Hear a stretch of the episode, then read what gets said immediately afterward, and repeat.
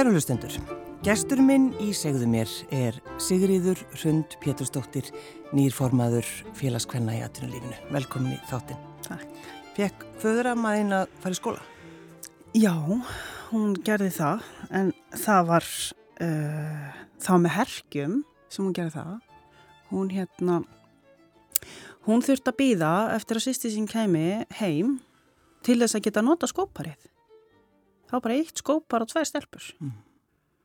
Mér finnst það mjög áhugavert. Já, miður við bara hvernig við erum í dag. Já, Já. til dæmis. Og það er líka áhugavert að því að sögurnar hennar, uppeldið uh, hjá henni og hvernig hennar æfi var, hefur uh, borist mér. Mm. Ég úrst líka upp hjá henni. Sérst, mamma og pappa náttúrulega eru kynnslóðan sem út að vinna og svona, Já. ekki satt? Og hvað að gera við bönnin? Já, þetta var á þeim tíma þegar ömmur gáttu passað. Þetta var, ömmur hafa alltaf mikið að gera í dag, þær gera það ekki. Jú, ég elst upp í sko íþróttasölum Kópóks að því að mamma var íþróttakennari og ég er alltaf með tíu leikuma þegar ég er inn í, hérna, ég er inn í áhaldagimslu að leika mér og svo er þetta ekki ömmu afa Mm. og bæði föður og móður svona í bland sko. Já. En talaðu við uh, föðurammaðinn um þessa, þennan tíma þegar hún, þú veist, það var til eitt skópar heima hjá þau. Já. Og í rauninni bara líka hvernig samskipti voru hjá þeim Já. að það búin mikil virðing fyrir öllu, búin virðing fyrir fóreldrun sínum, búin virðing fyrir hlutum, mjög mikil og ég er til dæmis hjá henni þegar ég er að alast upp að þá er ég að læra hérna, þvó, þú veist, bara ung mann ég eftir mér að ég er að hérna, þvó og svo þarf ég að brjóta þvottin og hengja hann upp og sokkar snúa eins og leggjast par saman að því að þú tekur þá par af og setur þá sem par í skúffuna. Ertu að segja mér það, Sigur, að þú, þú ert ekki með neina svona sokka sem eru sem sagt, Jú, stakir sokkar. Jú, sokkaskrimsli býr heima hjá mér. Líka, ég jæja. skil þetta ekki, ég bara skil ekki hvernig svona hústverkar geta komist upp með þetta. Þið, þið sem var kent annað. Ég, þeir voru ekki til heima hjá ömmu. En eh, sko, skiptir máli svona, sko, fyrirmyndir? Já, öllu máli. Mér, þetta er mér mjög hugleikið að það er sko hvernig fyrirmyndi byrtast okkur og ekki bara hvernig við velja ég á mér fjölmarkar fyrirmyndir af bara öllum kynjum og þær koma til mín á mismundi tíma og í mismunandi aðstæðum og mér finnst það gott. Mér finnst gott að sjá fjölbreytileikan koma í gegnum tíman. Veist, Ég á mér ekki sömu fyrirmyndir á því ég var krakki til dæmis. Það var kannski meiri rockstyrnur og svo liðskilir. Ég hef meiri samúð með þeirra lífi í dag heldur en ég hafði þá. Ég hugsi þetta sé ekki gott líf eða erfitt líf. En í dag að þá til dæmis dáist ég á ungu fólki og mér finnst ungt fólk afskapla hugrakt. En mér finnst þau stundum fara svolítið geist líka. Og ég er svo heppin eða tvíbura sem eru sem sagt að vera 17 ára. Við eigum heita rökræður við eldu, eldursporða á kvöldin eða mótnana eða eitthvað hannig og ég er alveg skotin í kaff Já, en talar við til dæmis eh, um, um krakkana þína um áhrifavalda? Já, ég geri það. Og við erum ofta við erum ofta að ræða hvað sko byrtist okkur og hver raunveruleikin er.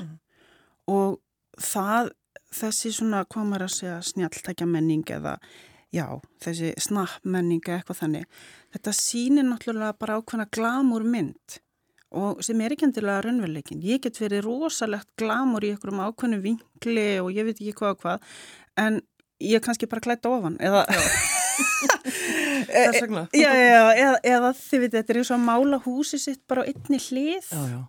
og það er svo mikilvægt að þau sem að, sko, þau lifa svo mikið þarna þú veist, að það, það, þetta er þeirra byrtingamind á meðan okkar byrtingamind var kannski blöðin eða bíómyndir eða eitthvað svo les en þau er ekki þar, unga fólki er ekki þar. Og það skiptir mála að þau viti hver raunveruleikin er. Og hann er ekki alltaf glamúr, sko, því miður. Og fyrir, mig, og það er sem sagt fyrir mína kynnslóð þá finnst mér skipta máli hvernig orðræðan er eins og í þjóðfélaginu. Að við séum að endurspegla raunverulegt virð okkar og þeirra sem að berast okkur sem fyrirmyndir.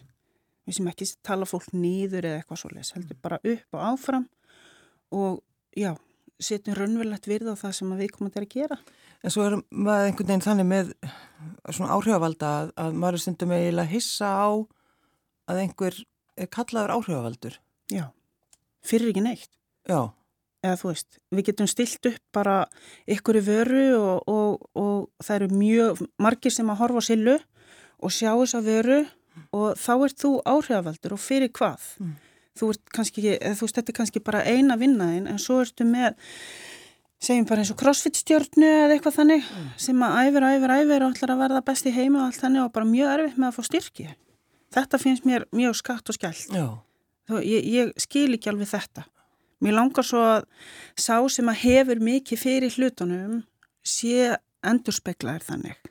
Ekki satt. Ég, mér finnst eitthvað satt og rétt við það. Ég veit það ekki. Kannski er ég ein, ein á torkinu. Nei, ég veit ekki. Hæ? Mér langar svolítið að tala við þig um Jónínu Benediktsdóttur, Sigriður Hund. Já, herðu, hún hérna, hún uh, er eina mínu stóra áhrifavöldum og fyrir margar sakir og hérna, ekki sísta því að ég er búin að fara uh, fjölda mörgu sinnum í detox-tilnæri gegnum árin og hef haldið áfram að detoxa alveg endalust. Hún kendi mér að gera þetta lífstíl og fyrir utan að taka helsuna í gegn að þá uh, fór ég skrefi lengra og í rauninni speiklan tilbaka og sagði sko það er ekki bara matur sem þarf að detoxa, það er líka hugarfar og hvað við erum að bjóða okkur upp á að sjá og heyra og við eigum að detoxa umhverfið okkar líka, þú veit að rækta sér andlega og sálega og svo les og ég, hún, þú náttúrulega, það vita allir hvernig hún var áhrifavaldur á okkar samfélag mm -hmm. og stundum sagði við hann að ég þartu endilega að fara að segja þetta. Já. Það getur ekki sagt þetta bara í pottinum, þarf þetta að fara á netið eða þarf þetta að fara út í kosmosið, að því þú veist hvað gerist. Og hún sagði já, já, það veit ég vel. Og það fannst mér aðdánavert, að því að fréttir sem koma inn í samfélagið okkar og endur spekla þó að sé þeirra sannleikur eru mjög mikilvægar. Mm. Það er mjög mikilvægt að við höfum fólk sem að tala fyrir það sem að hjarta segir af því að það er fjölbreytileiki. Þá þroskunst við hinn, þú veist, þá heyrir við margarattir og ólíkarattir og svo verður við svona veg og meta hvað okkur finnst um þetta allt saman, mm. ekki satt. En var það þannig þegar þú fóst í fyrstu detox meðferðina, varstu þá bara komin á einhverju endarstöð? Já, aðframkomin algjörlega. Aðframkomin? Aðframkomin, geta alveg sett því það. Ég þryggjast af að tala Já. og þannig að þú sér það ekki dag, enga veginn. Og þá er ég búin að eiga, sem sagt, já, tvýpura og svo ég eitt strák sem er núna 11 ára og hérna, og þetta tekur alltaf svo helsuna að eiga bönnin, mm -hmm. bara verulega og hérna, ég kem til hennar og er bara aðframkomin og ég man að ég... Um, ég vildi aldrei fara til Pólland mér fannst þetta svo langt í burtu og Pólland var bara eh, skóta, lata, ljótt eitthvað, þú veist, ég hafði algjöra ráng hugmyndir um þetta land. Mér fannst þetta bara fjarskannistan og svo heldur hún dítóksinn á örkinni, Hotel Örk. Og ég hugsa, heyri, ég get nú far, ég get leif mér það að fara austu fyrir fjall og börni mín degi ekki á meðan. Nei, nokkuð Emmett, ég, ég er í hérna axtusfæri, stræt og færi. Þið getur það bara alltaf komið. Ég drýf mig og ég get sagt þér það þetta er í september og það, ég skil eftir tíu kíló þarna í september mm. og ég held þeim og svo fer ég aftur í januar og skil eftir önnur tí, tíu kíló. Og þú getur bara ímyndað þegar þú tekur að þig 20 kíló og líður samt ofbáslega vel þá er komin eitthvað svona grunnur fyrir því að þú veist geta hreift sig og ég losnaði við fyllt af bólgum og guðum og vita mm. bara, þú veist öllum kranklikum sem svona hérna já, ég myndi segja bólgu ástandi fylgir. Og það vindur upp á sig. Mm. þú veist, mann er verið ílt í njánum eða bakinu eða jari, jari, eitthvað sko. Og þegar þú ert komin í aðra tilveru að þá vilt ekki fara tilbaka, aldrei og ég hef aldrei gert það, ég hef alltaf farið áfram og upp í minni helsu bara enda löst mm. og svo, jú eins og ég, hérna, við vorum búin að ræða þá, hérna var ég hægt að eigna spöld bara, nú er þetta komið, við hefum þér á drengi og ég held áfram á svona og svo fyrir ég enn eitt ítóksið nema bara stuttu síðar að þá horfi ég augun á mannum mín og segir bara ok, þetta er vandræðilegt af því að þá var bara komið bann undir sem átti ekki að koma Nei, mér finnst þetta svolítið góð setting, þetta er vandræðilegt Já, ég, hvað, hvað varst þú að gera? það, ég var eitthvað sem heilsuna. Já, akkurat. Þannig að við eignum steitt svona detox-babb sem er góð saga og góð saga í detox samfélaginu líka. Já, já, já. Hmm. Þannig að þið voru, þið voru vinkonur, þú og Jónína. Við vorum mjög góða vinkonur Já. og mér þótti mjög vænt um, um okkar hérna, vinskap og hana og ég var náttúrulega bara, við vorum ekkert alltaf sammálaða neitt, þannig að skipta yngu máli en um þetta geta tókast á um málefni mm -hmm. var ótrúlega gefandi. Já. Þetta er eitt af skemmtilegast að bara við hana sem mannisku sko. Það er svo, svo gaman að að tala um þessar fyrirmyndir sem maður hefur eins og þú segir, þetta, þetta getur verið all, sko, alls konar fólk Já, alls konar og fólk alls konar tímambili Já, akkurat og mér finnst frábært að sko uh, já, mér eina fyrirmynd sem hefur verið alltaf með mér og það er Dalai Lama. Dalai Lama er eitthvað kall hinn í minna nettilum sem er í kjól. Já, mjög skrítið. Já, mjög skrítið, alltaf perfektur og, já, já. en flest af því sem hann segir er eitthvað sem er bara kjarnirt og gott og heilbrygt og það hefur alltaf talað til mín. Mm. Og það þykir mér rosalega gott. Ég fylgis bara ennþá með hann og mér interneti til dæmis gefur manni mikið að því að þá fær maður skilabúðin hans hraðar og beint. Ekki satt, samtæg og segla bara.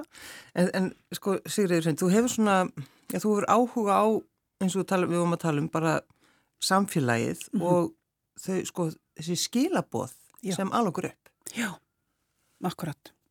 Ég held að skilabóð sko, ef við horfum á hérna Ísland. Ég ætla, ég ætla að taka þennan pól sko, Ísland sem líðveldi að við erum ekki mörg hundruð ára gömul. Og að þú fer til Evrópi þá er búið að eiga sér stað sko ákveðin svona skilvinda af þessari orðræðu, -hmm. ekki sagt og það komið svona ákveðin aðferðafræði við að koma að skilabóðanum á framfæri. En við erum svolítið eins og úlingur er, er það ekki? Jú. Mér finnst það oft mjög tilfinningarík og við erum að fara í sko mannin en ekki boltan, ekki sagt og það er miður og þetta er eitthvað sem við erum svona hægt og rálega að læra. Og við lærum hraðar ef við hleypum fjölbreytileikanum að. Mm. ef við hleypum fleiri ólíkum röttum og það er það sem við þykir svo væntum líka eins og í útvarp og sjónvarpi þegar við fáum fleiri sögur að dreifvilnu skilur við erum ekki bara höfuborgin og það er ekki bara djammið nýri bæ ekki satt, heldur við heyrum bara alls konar sögur vísvegar á landinu. Þetta er mjög þráskandi mm. og þetta eru skilabóðin sem al okkur upp. Al okkur upp sem samfélag og þjóðfélag og mér finnst skipta máli hvernig við tölum við hvort annað. Mér skipta mjög miklu máli að sko fyrirsagnir til dæmis endur spekli það sem við erum að gera. Að við séum ekki að sko uh, taka virði viðkomandi niður og ég hef talað um þetta áður og og hérna, á ég að segja gælunar, já, það var hérna gælunar á G-strengnum og ef þú ætlar að gíska hvað það er, þá ertu bara tínt, sko, mm. þú veist ekki hvað ég er að tala um, en þetta, þetta er fyrirsögn sem kom fram og það að vera að tala við Írisi Mist sem er sko margfaldur Norðurland og Evrópumeistar í hópfimlikum og þetta verður ekkert með þeirra afreika að gera bara enga veginn. Og þetta finnst mér svo miður þegar við veljum þetta. Fyrir utan það að margar stúlkur hafa verið sko föðurlausar. Nei það hafa verið nafnlausar. Mm. það hafa bara verið kendar við sko feður sína. Þú veist, það var hérna Stelpanas Óskarsraps, hún, hún heitir sko Emilí Óskarsdóttir. Að hún var að spila fókbalta hún átti ekki sitt afreg og ég fann eitt dreng sem að það lendi svo það er drengurinn hennar Þorgjara Katrínar. Já En hún verður bara að standa sér vil í fókbalta fyrir hann. Já, hún er, hún er, hún er svo klár. Hún er rosalega döguleg. Já, bolta, hún er mjög boltafær. Já. En við eigum að láta af þessu. Þetta er auðvelt að breyta. Þú veist, það að velja fyrirsagnir, að velja hvernig við tölum fólk að hampa því bara fyrir sitt virði, mm. þetta er bara svo auðvelt að breyta. Já. Það er svo auðvelt að velja, heyrðu, hún sigurlega, hún stendur bara algjörlega fyrir sig. Þetta er ekki dóttir hans Jónasar. Nei, ég, held já, að hann hefði ekki sáttu við það. Nei, nei, ef þú ættir að vera dóttir hans Jónasar bara út lífið sko. það sem eftir er. Ég, ég mynda, hvað er maður þinn? Ég, þú geti breytið við í það sko. já, en um, talar um þetta við krakkana þína Sigriður mjög svo. Og, og, og hlæjaði kannski bara þér? Uh, nei uh, nei. Og við, það er svo skemmtilegt að því að þeirra raunveruleiki jafnbretti og svo les er öðruvísi. Og ég man að einu sinni þá hérna fara strákanir, tviparnir, fara og selja eitthvað dótari upp í sundleg mm. og svona tombólu.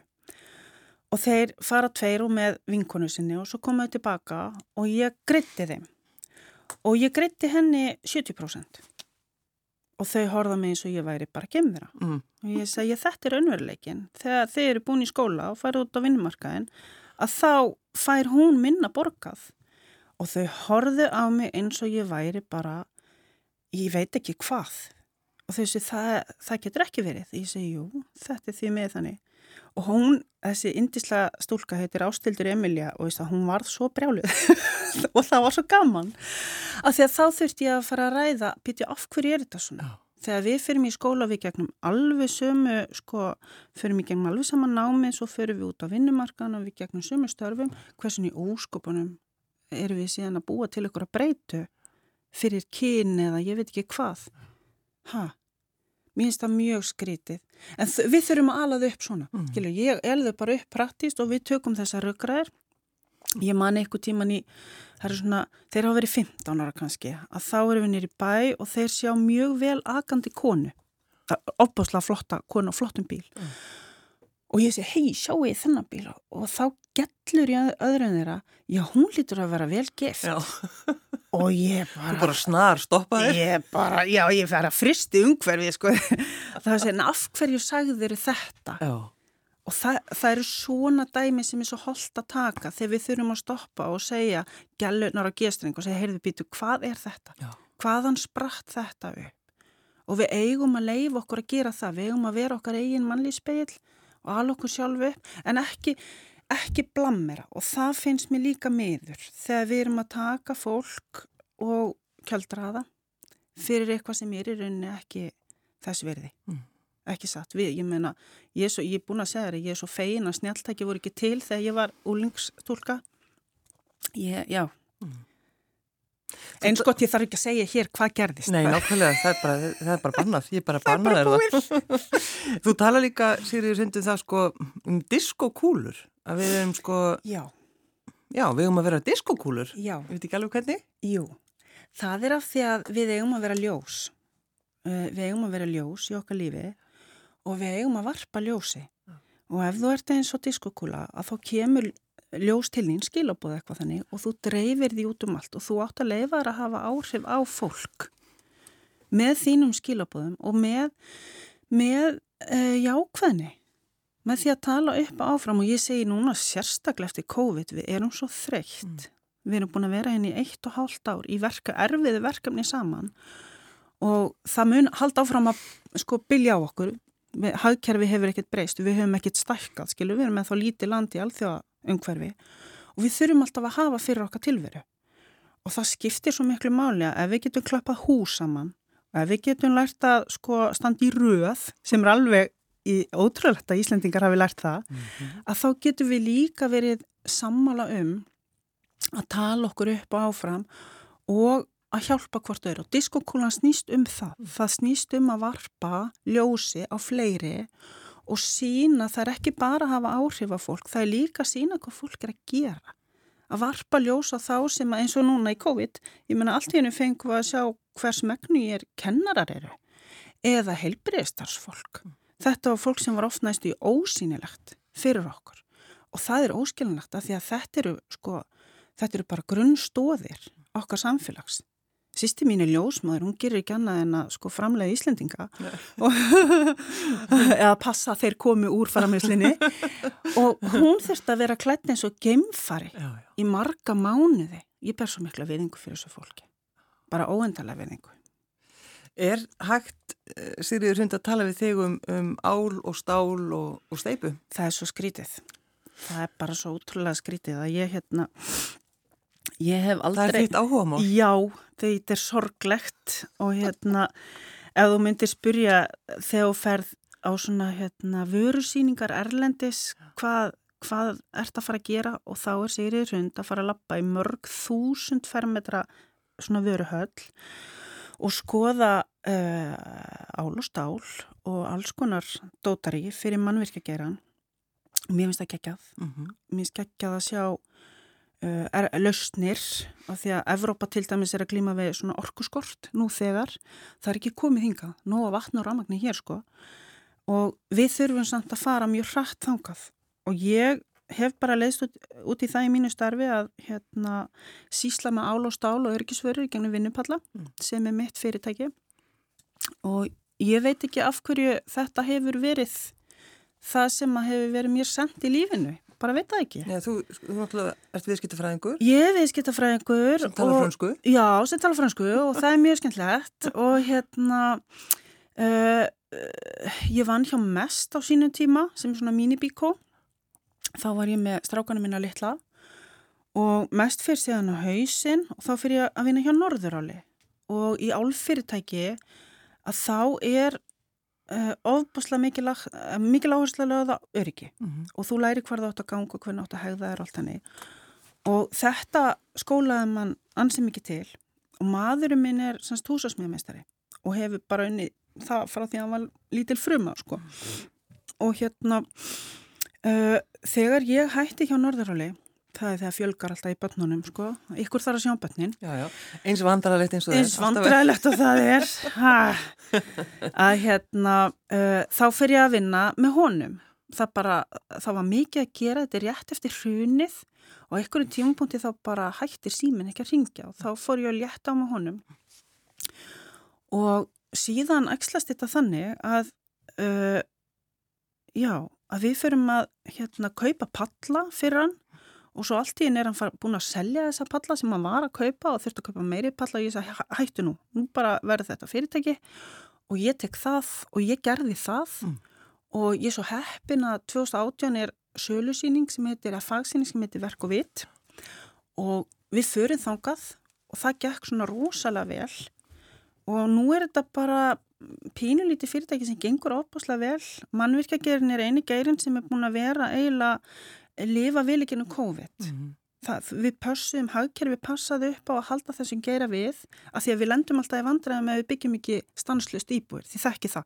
Það er alltaf verið að tala um það, vantar svona marga þúsund íbúir og við fórum ákveðin tíma og vorum að, að fóstra ferðamenn og byggja hótel og alls konar.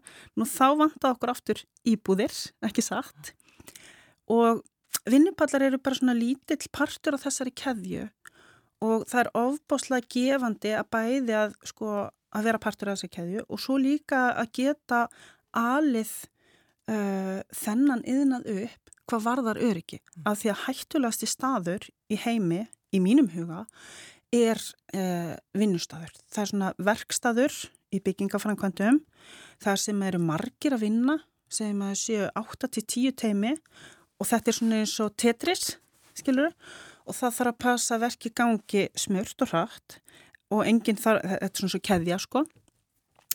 En vinnustöðun er svo lífandi, hann er lífandi innan dagsins og það er svo auðvelt að gleima einhverju tækju tóli eða snúru eða eitthvað þannig. Og hætt, hættan hún er alltaf fyrir hendi.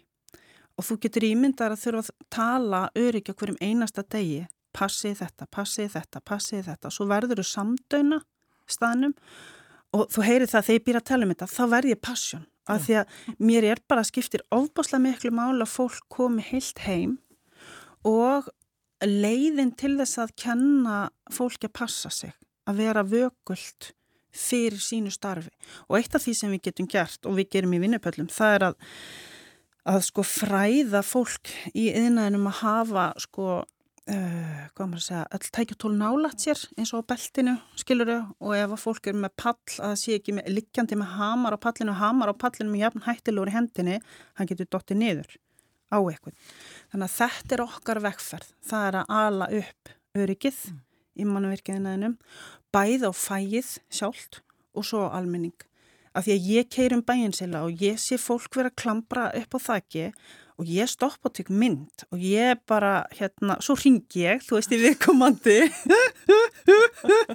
og segi, herðu, hérna á þessari götu nummið 47, þá er ykkur að reyna að drepa sig. Þannig að þú ert alltaf horfandi. Ég er alveg hræðileg, ég er bara eins og bara sjálfskeipaða vaktari, en veistu, þetta er bara svo hættulegt. Hæ? 1 og 8-10 þá ertu komin í fallæð og það eru mjög margir sem að klöngra á stað náttúrulega bara í viðhaldinu og í góðri trú en er að skapa sér hættu. Og mér finnst þetta vond.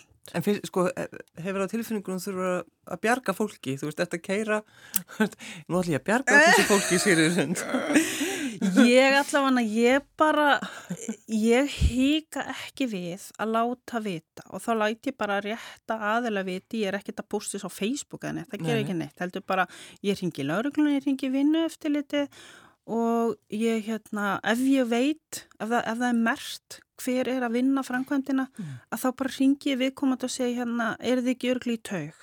Eða getið skoðað pallana þannig hinum einn eða eitthvað svolítið. Ég bara hika ekkert við það. En sko, er, er þetta svolítið svona lýsir þetta þér? Veist, viltu, viltu hafa yfirsýn og ætlar að bjarga öllu? Nei, ég, ég myndi segja þetta er, ég er með ofbásla þjónandi eðli. Ég þarf alltaf að vera þjóna ja. út um allt og það er gegnum gangandi hvað ég geri og eitt af því til dæmis, ég, ég greiði tíund í mínu lífi og það er ákverðin sem ég teki bara í gegnum mína trú þú veist og það, ég er ekki að tala um peningalatín þetta er ekki svona til kirkunar uh, ég kenni vísindi litlum börnum 69 ára mm. og það er að því að mér fannst vísind að kemast að koma á seint og þegar ég er alveg mína drengi ég er svona vísinda nörd sko að þá er ég alltaf að kenna þeim og leifa þeim að fykta eitthvað þannig mm. og þegar þeir koma á þennan stað í hérna sínum skóla að þá bara gerði ég þetta að vali og þetta hefur verið val í grunnskólinu sem börnum mín hafa sótt á meðan ég hef syndið þessu. Og þetta finnst mér, þetta er bara lýsið mínu eðli. Það er alltaf að vera að reyna að þjóna og, og gefa tilbaka og eitthvað máta. Er þetta að kenna þetta þá einhverjum já, skólum? Já, já. Ég er regli eitthvað vísindasmiðin í Ísaksskóla og það sem að ég gerði það var að fara í háskólan og sækja leiðbynendur. Mm. Og ég fór og spurði bara, fór, þú veist, ég spyr í eðlisfræði eða Eh, líffræði, líf, lífefnafræði bara út um allt og spyr er ykkur hér sem vil koma að kenna og ég hef alltaf fengið leiðbennendur, strák og stelpur sem koma, sem eru 20 eitthvað ára og gummul og getur í ímyndaði fyrirmyndina fyrir litlu krakkana að vera með leiðbennendur sem er í háskólinum og fyrir þá sem er í háskólinum og þau segja bara, ó ég vildi óska ég hefði haft þetta mm. þegar ég var krakki. Það er akkurat þetta með fyrirmyndinar. Þetta eru fyrirmyndinar. Það er að tengt saman og vera sko, hvað maður að segja, vera að tekka á málefninu. Og ég get sagt þér, ég er svo glöð þegar sko, fyrir utan að vera grúska svona, þetta er alltaf ólega gaman skilja að vera, vera fyrta jöð á forvitni. Að hérna, eitt besta hrós sem ég fengi fyrir vístasmiðina að það var drengur sem sagði það er svo gaman að því að það er ekkit aðtíð háti í vísindasmiðinni og hann meinti, og ég veit að meinti það að maður fara að koma og vera maður sjálfur og við erum bara að sísla það sem við erum að fást við. Ég þarf ekki að vera neitt annað en ég er. Og þetta fannst mér alveg þetta á beint í hjartastæðis að þetta er eittið sko þegar þú færð að vera sem þú ert Akkur ertu nýr formadur félags hvernig í aðrunlífinu? Ég skilða ekki Nei, Nei. skilða ekki Ég er algjörlega óskiljalega Heyrði, sko, fyrirmyndir Ég er 25 ára þegar þetta félag er stopnað mm -hmm.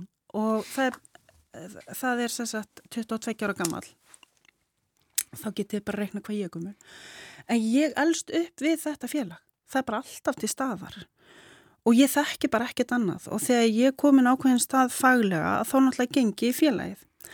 En þá er ég til dæmis með lítil börn og það er, þú veist, guppupest og fundur í vinnunni og da da da. Og þá er þessi rafræna bylting ekki hafinn og þá þarf maður alltaf að mæta eitthvað saman hvort það er morgunfundur, hátíðisfundur eitthvað og maður þarf alltaf að fórna tíma og þetta var erfitt þetta var alltaf áskorun en alltaf gama þegar maður gatmætt mm -hmm. þetta er allt breytt í dag. Já. við erum með fundir rafræna og raun og þetta er allt í bland og alls konar. Nema síðan fyrir tveimur árum þá ákveði ég að fara á aðalfund og hérna já, ég ákveði að sjá svona í hvað peningarnir færu. Og ég fyrir á hana fund og bara á fimm mínútum að það ákveði að bjóða mig fram. Mm. og ég sem sagt er kursin til stjórnar og er efist í kjöri og ég, mér fannst það bara, ég skildi ekkert í þessu. Þegar ofvirka höndin fór á stað. Varst það alveg hissa? Já, mjög hissa, bara á sjálfri mér en mm. mér fannst það æðislegt. Og ég naut þess að sýti stjórn og svo leiðis síðan þegar núverandi form, eða fráverandi formaður tilkynna hún alltaf að, hérna alltaf ekki að bjóða sér fram áfram þá er byrjað að nippa í mig. Og ég náttúrulega bara hætti að poti baki á mér. Já, látti mig vera, ég hef nóg að gera og ég er hérna að reyna að sinna vinnupöllum og það er COVID og þú veist, síðasti vetu fóririnni bara hérna bjarga fyrirtekinu sínu og, og djögla börnunum. Mm. Þetta barna, þið viti áhuga mál og skóla allt en þetta var eins og tetrist. Var bara, ég er sirkus fær eftir þetta. Og hérna, en ég lætt vaða. Já. Og ég veit ekki út af hverju, ég bara gerði það og ég er algjör græsrót. Og uh, ég byrð mig fram og ég fór maður og það er frábært. Og ég bað félagskonur um að kjósa fjölbreytta stjórn. Og þetta er mikilvægt að því að nú kemur fyrirmynd og ég bað þær um að gera það því að við erum ekki með kvóta.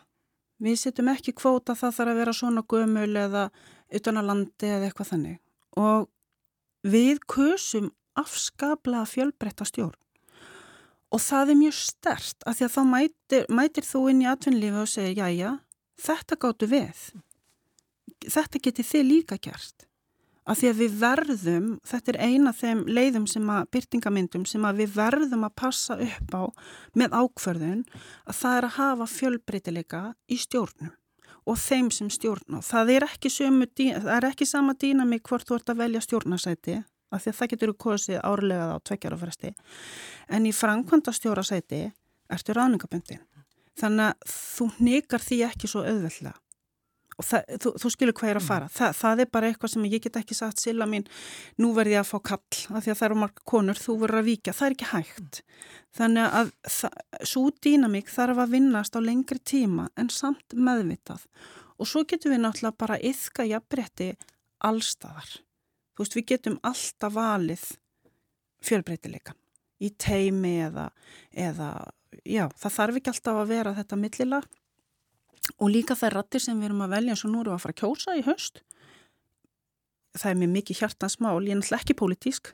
Ég er alveg laus við það, ég er aldrei verið flokksbundin en það er mér mikið hjartansmál að við séum að fá eins fjölbreytta rattir fram á við getum og við séum meðvitað að kjósa fjölbreytt ég held að það hjálp okkur alveg svakala sem samfélag mm. ef við náum því. Og, og þú sem formaður einmitt félagskvæni atvinnlífinu getur einmitt rætt þetta fyrir kostningar? Þetta er, svona, þetta er, þetta er mitt innleg að það er raunni að, að benda á að við getum hjálpa til. Já. Við getum verið mannlýfspeil. Við getum verið fyrirmynd, ég og þú, með því að vera að ræða þessar hluti og benda fólki á að sko meta fólk sem sitt virði ekki sagt. Og þetta höfum við séð marg oft, sérstaklega hallar á konur sem að bjóða sér fram á þingi og svo leiðis og það er verið að ræða fötið þeirra. Mm. Bara, það var bara núnum daginn? Það var bara núnum daginn og veistu, þetta, er, þetta er svo mjög mörg dæmi. Og hárið ekki glemma hárið? Ég, uh, eh, glirun, ég skal segja það bara strax, glirun mínu frá optikalni. Já, við.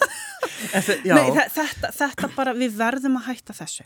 Við bara, ef við ætlum að fara að ræða fatnaði eða klæðina eða þú veist, útlýtt fólks, þá skulum við bara gera það á svona sér grundvelli, ekki satt? Og Ásker Jónsson átti hérna flottar þrjár síður hérna í herfablaði og ræðislegt en hann var ekki að ræða hagmál. Það var ekki verið að blanda saman, skilur, hans nei, nei. ferli og hans fatnaði og við skulum heldur ekki gera það fyrir, sérstaklega ekki fyrir konur. Og þetta eru svo mjög mörg dæmi að við getum ekki, veistu að ég gæti komið með bara listan langa Og þetta er ekki á eitt fjölmiðil, það er það sem er sorglegt, þetta er bara út um allt. Og þá er þetta einhver hegðun sem við þurfum að vinda ofan af og markvist bara velja frá.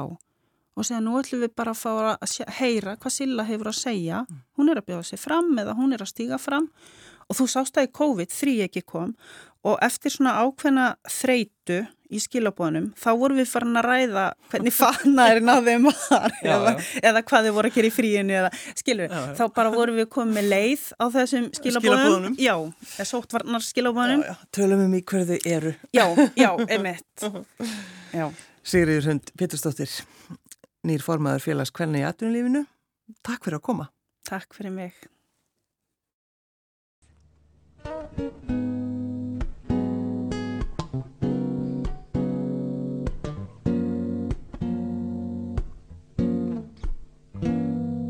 Close your eyes, and I'll kiss you. Tomorrow I'll miss you. Remember,